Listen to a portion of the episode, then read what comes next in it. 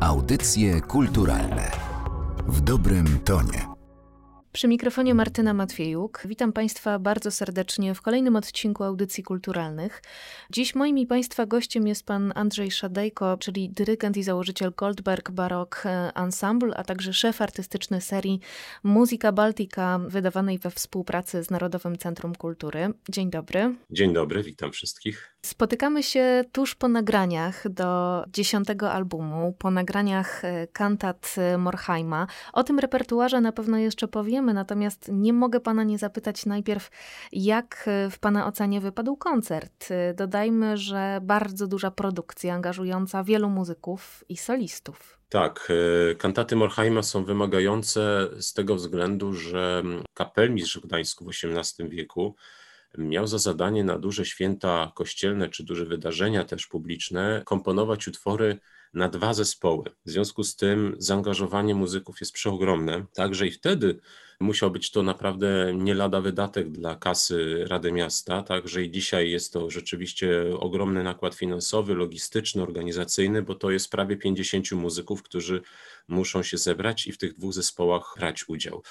Koncert udał się wyśmienicie. Mieliśmy na koncercie prawie 400 słuchaczy. Organy wielkie zabrzmiały razem z zespołem Goldberg Baroque Ensemble wykonywaliśmy tę muzykę w taki sposób, w jaki ona prawdopodobnie, albo zbliżony do tego, w jaki sposób ona była wykonywana właśnie w czasach Morheima. Oczywiście Morheim był kapelmistrzem kościoła mariackiego i tam warunki, powiedzmy sobie, mogły być troszeczkę jeszcze bardziej ekstremalne niż w kościele Świętej Trójcy, bo mimo wszystko kościół mariacki jest odrobinę większy od kościoła Świętej Trójcy.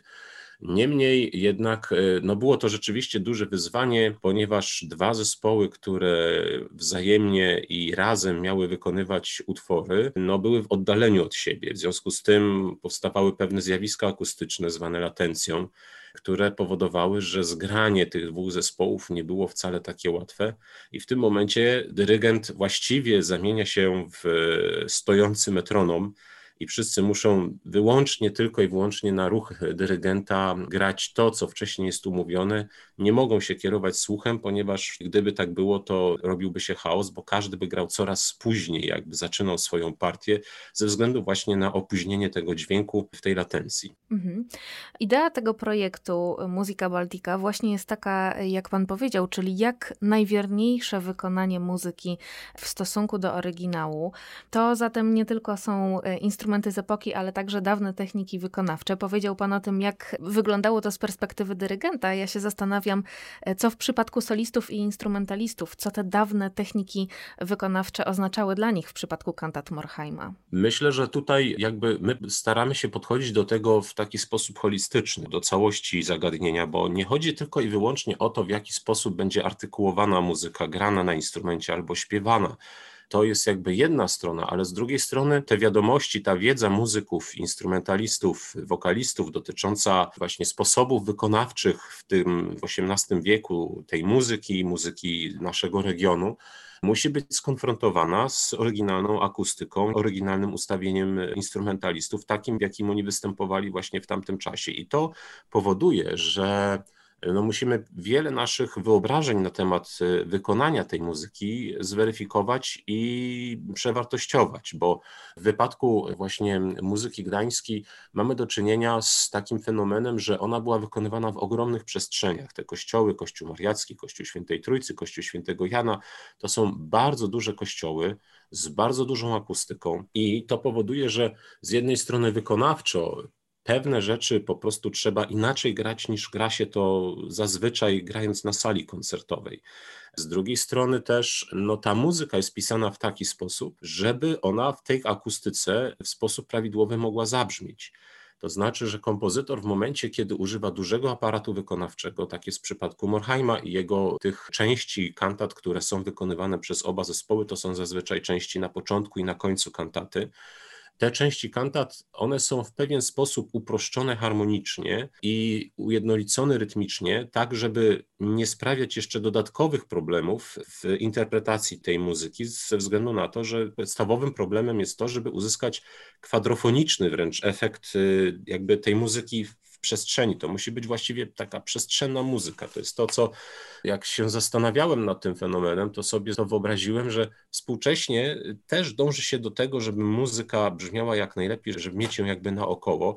Z tego też względu audiofile czy fanatycy dobrego brzmienia montują sobie w domach albo nawet w samochodach sprzęt, który otacza ich wręcz tymi głośnikami i z tych głośników wokół ta muzyka jest odtwarzana i chyba wydaje mi się, że wtedy też chodziło o podobny efekt, to znaczy o taki efekt, w którym ta muzyka rzeczywiście jakby nas unosi, przenosi nas w jakąś inną przestrzeń. No i właśnie w tych utworach, które są na te dwa zespoły, to jest ewidentne. One są, tak jak wspomniałem, z jednej strony uproszczone pod względem harmonii, pod względem rytmu, natomiast pod względem faktury no, są bardzo skomplikowane, no bo tam jednocześnie gra kilkudziesięciu muzyków, więc to jest naprawdę no, wyzwanie. Natomiast części środkowe, czyli arie, recytatywy, te już są zupełnie, zupełnie inaczej. To jest tak kolosalny kontrast w stosunku do tego, co dotyczy tych wielkich składów. Tutaj kompozytor, jakby, wydaje mi się, pozwala sobie na trochę własnej fantazji, bo trzeba też powiedzieć, że ta tradycja wykonywania na wiele zespołów muzyki w Gdańsku istnieje właściwie już od końca XVI wieku. I ona tak się spodobała Gdańszczanom, że jeszcze w XVIII wieku, w drugiej połowie XVIII wieku tego typu utwory y, były komponowane, podczas kiedy w Europie już dawno, dawno temu zapomniano w ogóle o takim sposobie komponowania. Tak? Natomiast y, w tych utworach trochę bardziej kameralnych, intymnych, no tutaj kompozytor rzeczywiście ma pole do popisu i w odpowiednio mniejszej instrumentacji wtedy ta muzyka staje się rzeczywiście bardzo giętka, bardzo delikatna, bardzo elegancka. To jest też dobre słowo, bo grając tę muzykę doszliśmy do wniosku, że ona, ona ma w sobie pewien nawet nie tyle potencjał, ile ile taki zasób bardzo duży takiej pewnej elegancji, takiej śpiewności, melodyczności, wręcz można powiedzieć, że to w momentami jest taneczna muzyka, taka porywająca wręcz do tańca. I e, no, to jest też bardzo ciekawe zestawienie, bo w tych wielkich kompozycjach mamy do czynienia z takim bardzo spiżowym, takim bardzo mocnym brzmieniem, które właściwie nas wtłacza w fotel, zwłaszcza jeśli do tego, tak jak w naszym wypadku, użyliśmy też wielkich organów i jeden chorał końcowy, który graliśmy na kantatę na Boże Narodzenie, Wachet Aufruf uns die Stimme. Tam poprosiłem organistę, żeby włączył po prostu pełne organy. Organo pleno, czyli wszystko, co w baroku było używane do pełnego brzmienia organowego. No i muszę pani powiedzieć, że to jest po prostu niesamowite przeżycie, kiedy orkiestra włącznie z tymi organami gra i właściwie wszystko się trzęsie w kościele, bo jest taka moc tego dźwięku. Mam nadzieję, że na nagraniach będzie to do odtworzenia, choć chyba tylko wyłącznie na takim bardzo mocnym audiofilskim sprzęcie z jakimiś subwooferami i innymi elementami nagłośnienia, które te niskie przede wszystkim częstotliwości będą mogły dobrze oddać. Także tutaj to zestawienie tych dwóch estetyk, tej estetyki właśnie takiej dawnej, bardzo dawnej gdańskiej estetyki e, galant, takiej eleganckiej, nowoczesnej jest charakterystyczne. Do tego dodany jeszcze jest taki malutki element, powiedzmy sobie, estetyki bachowskiej, no bo nie zapominajmy, że Morheim był uczniem Bacha, jedynym uczniem Bacha, który przez całe swoje zawodowe życie, przez 30 ponad lat funkcjonował i działał na terenach I Rzeczypospolitej, czyli był kapelmistrzem w Gdańsku. Mhm. No właśnie, pamiętam, że kiedy rozmawialiśmy po nagraniu oratorium Daniela Puklica, to powiedział pan o tym, że nie sposób porównywać tych dwóch kompozytorów. Puklic pisał utwory momentami bardzo trudne do zrozumienia, wykraczające poza pewne schematy. Tutaj Morheim, uczeń Bacha, czyli kompozytora, który opanował kantatę i doprowadził kantatę do perfekcji. Zapytam wprost, czy w przypadku Morheima było po prostu łatwiej? Tak, pod pewnymi względami rzeczywiście było łatwiej. Ten język muzyczny, ten duktus y, faktury i harmonii, no zdecydowanie był powiedzmy sobie bliższy naszym doświadczeniom związanym z muzyką tego okresu. Nawiązywał, tak jak wspomniałem, też do estetyki Bacha, do estetyki Telemana. I w związku z tym, no, pod pewnymi względami na pewno wykonawczo, interpretacyjnie było tę muzykę łatwiej zrealizować niż właśnie tego Puklica. No ale też trzeba przyznać, że ta muzyka właśnie wykonywana była w tych przestrzeniach kościelnych, mówię o muzyce Morheima, podczas kiedy to oratorium Puklica najprawdopodobniej było wykonywane w no, przestrzeniach świeckich, które były z jednej strony mniejsze, miały mniejszą akustykę, z drugiej strony pomagały realizować trochę bardziej skomplikowane i zawiłe pomysły muzyczne, które właśnie Puklic zawarł w swoim oratorium. Na początku naszej rozmowy wspomniał Pan e, też o urzędzie, który który piastował Morheim. Był to kapelmistrz gdański, czyli osoba, która musiała corocznie komponować kantatę na wybory Rady Miasta.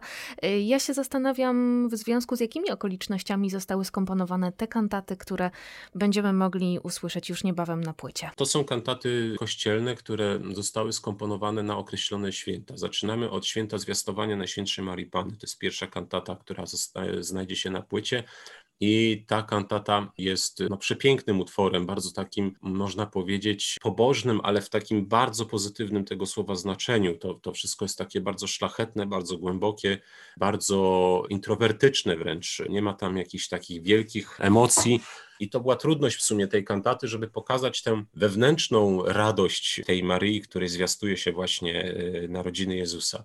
Potem e, nagraliśmy dwie kantaty na Boże Narodzenie. To są te dwie kantaty właśnie na te wielkie święto, gdzie zostały użyte te dwa zespoły. Każda z tych kantat jest inaczej zbudowana i tutaj dominuje właśnie taka bardzo świąteczna atmosfera. Z jednej strony, jakbyśmy sobie wyobrazili nasze współczesne czy nasze polskie kolendy, to z jednej strony jest to pewien charakter kolendy Bóg się rodzi, z drugiej strony Lulajże Jezuniu. Także rozpiętość emocjonalna też w tych kantatach jest ogromna co daje też no, fajny efekt muzyczny i wydaje mi się jest interesujące dla słuchacza. Potem mamy dwie kolejne kantaty, które są z jednej strony jedna ogromna, największa kantata, która znajdzie się na płycie, to jest kantata na zesłanie Ducha Świętego. To jest rzeczywiście jedno z też z większych świąt i tutaj w tej kantacie soliści też mają wiele do powiedzenia, do popisania się różnymi swoimi umiejętnościami i też znajdzie się fragment kantaty, złożyliśmy to przy pracach nad tym materiałem.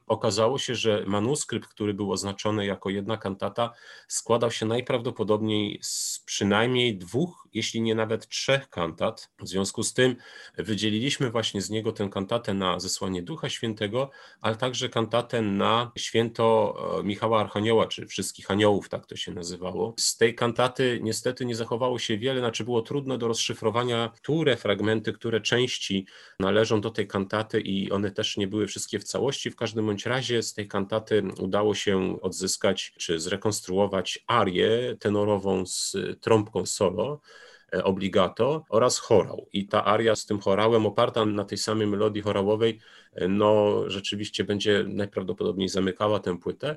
A oprócz tego nagraliśmy bardzo, bardzo kameralną kantatę Tochter des Himmels, która z jednej strony nawiązuje do tekstu pieśni nad pieśniami, a z drugiej strony w swoim tekście chyba nie do końca jest takim utworem religijnym, albo może inaczej, w tym tekście dosyć aktywnie penetruje relacje miłości nie tylko takiej idealnej, ale wydaje się, że nawet i pewnej zmysłowości w tej miłości. To jest przepiękna aria na bas i tutaj też trzeba powiedzieć i dodać to, co soliści nam mówili, mianowicie ta muzyka pięknie brzmi, ona wydaje się taka bardzo potoczysta, bardzo łatwa w odbiorze.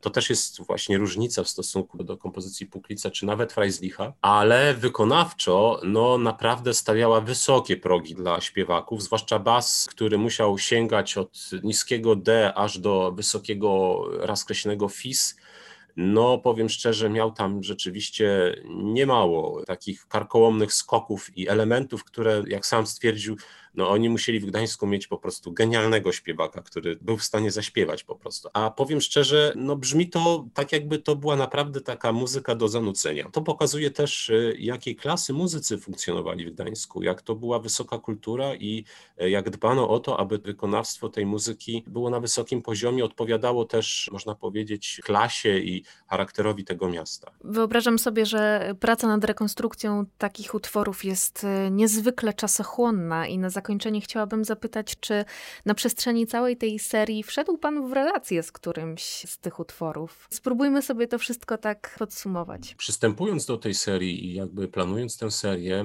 miałem już pewną świadomość dotyczącą zasobów zbioru Biblioteki Gdańskiej, a także no, tych gdańskich, powiedzmy sobie, tropów w innych bibliotekach tutaj w basenie Morza Bałtyckiego czy dalej w Europie. I ponieważ zajmuję się tym tematem gdańskim już właściwie od 2008 roku, roku, to tak na dobrą sprawę można powiedzieć, że nie byłem jakoś specjalnie zaskoczony jakimiś tutaj tematami, bo po prostu znałem tych kompozytorów wcześniej Jedynie co, to mogę powiedzieć, że pewne jakby intuicje, czy takie przemyślenia dotyczące twórczości poszczególnych kompozytorów w 99% się potwierdziły. Mam tutaj na myśli Puklica przede wszystkim, którego wcześniej wykonywaliśmy właściwie tylko jakieś niewielkie kantaty i one już wskazywały na to, że to jest muzyk o jakiejś niespożytej wręcz fantazji i możliwościach kompozytorskich. Wykonywaliśmy wcześniej też jedną czy dwie kantaty I tutaj wiedziałem już, że to jest muzyk, który powiedzmy sobie jest najbardziej klasycznym, tak to określmy, muzykiem, który tworzył w epoce baroku i późniejszej w Gdańsku, który w swoim języku muzycznym jest najbardziej zbliżony do tego, co możemy usłyszeć właśnie w utworach czy to Händla, czy Bacha, czy Telemana, czy innych kompozytorów znanych z kręgu właśnie środkowoeuropejskiego w XVIII wieku. Wiedziałem, że Freislich jest kompozytorem, który operuje też dosyć takim specyficznym językiem muzycznym, w którym mamy do czynienia z takimi bardzo zwięzłymi motywami, zwięzłymi komunikatami, można powiedzieć, muzycznymi. Wykonywaliśmy wcześniej różne jego kantaty i najkrótszą kantatą, jaką wykonaliśmy, ona miała trzy minuty. To po prostu jest jakby esencja w ogóle wszystkiego, co tylko można było w tej muzyce sobie wyobrazić. Z tej kantaty można by spokojnie zrobić 15-minutową kantatę, no niemniej Freislich po prostu wydobył wszystko to, co najważniejsze, bez żadnych jakichś dodatkowych ornamentów czy rozwinięć i, i to jest charakterystyczne też dla tego kompozytora w jego innych kompozycjach, nawet tych większych. Na pewno kompozycje Digrena, które nagraliśmy, one potwierdziły, że no mamy do czynienia też z kimś, kto no bardzo szkoda, że pozostało po nim tak niewiele tej twórczości, bo to jest zaledwie kilka kantat, trzy koncerty klawesynowe. No po prostu genialny muzyk, genialny kompozytor, który spokojnie mógłby się równać z Händlem, z, z Bachem, z Telemanem i tworzył kompozycje naprawdę na bardzo wysokim poziomie. Tutaj opanowanie tego rzemiosła i też traktowanie afektów muzycznych i operowanie tymi afektami no jest na poziomie po prostu najwyższym, jaki sobie można wyobrazić. Także jeśli chodzi o tych, o tych kompozytorów, to rzeczywiście tutaj byłem przekonany o tym, że będziemy mieli do czynienia z materiałem bardzo wartościowym. Troszkę nie to, że zaskoczył, ale potwierdził Meder swoją jakość, bo to jest taki kompozytor, no niby znany,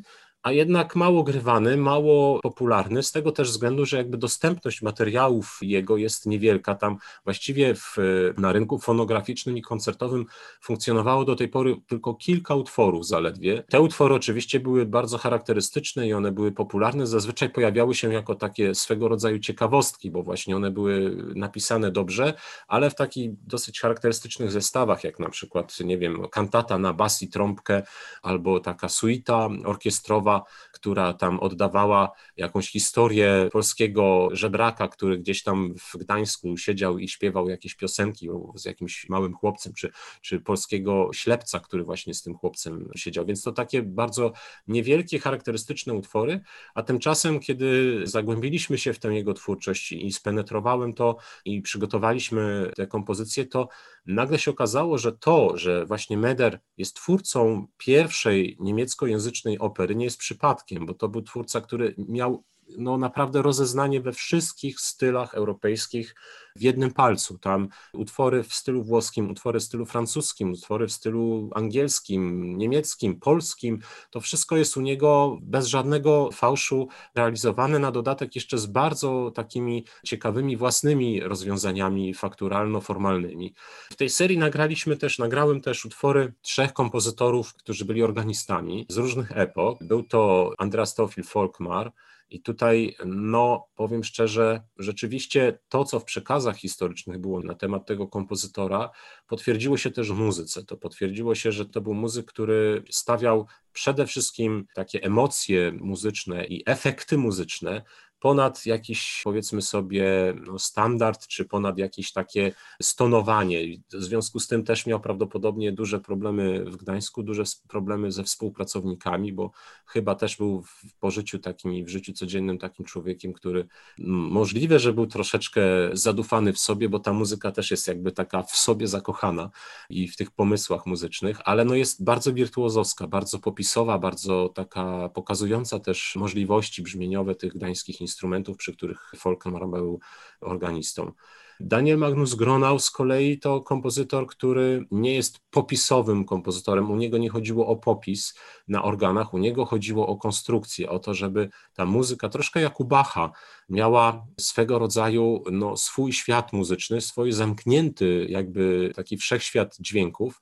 I wydaje mi się, że też nagranie partii tego kompozytora, partii chorobowych na organach w Kościele Świętej Trójcy potwierdziło, że prace rekonstrukcyjne przy tym instrumencie, które były prowadzone też pod kątem tego, żeby ta gdańska muzyka mogła wybrzmieć w taki najbardziej oryginalny sposób, pełny i wartościowy, porównywalny do tego, jak to mogło brzmieć w oryginale, że, że renowacja tego instrumentu rzeczywiście została tak zrealizowana, ponieważ te utwory no, brzmią bardzo dobrze. To wszystko, co się w nich znajduje, co na innych organach jest trochę dziwne i trudne do wykonania, żeby wydobyć pewne elementy fakturalne, które tam w tej muzyce się pojawiają, w przypadku tego stylu gdańskiego organów sprawdza się znakomicie i nie ma z tym żadnego problemu.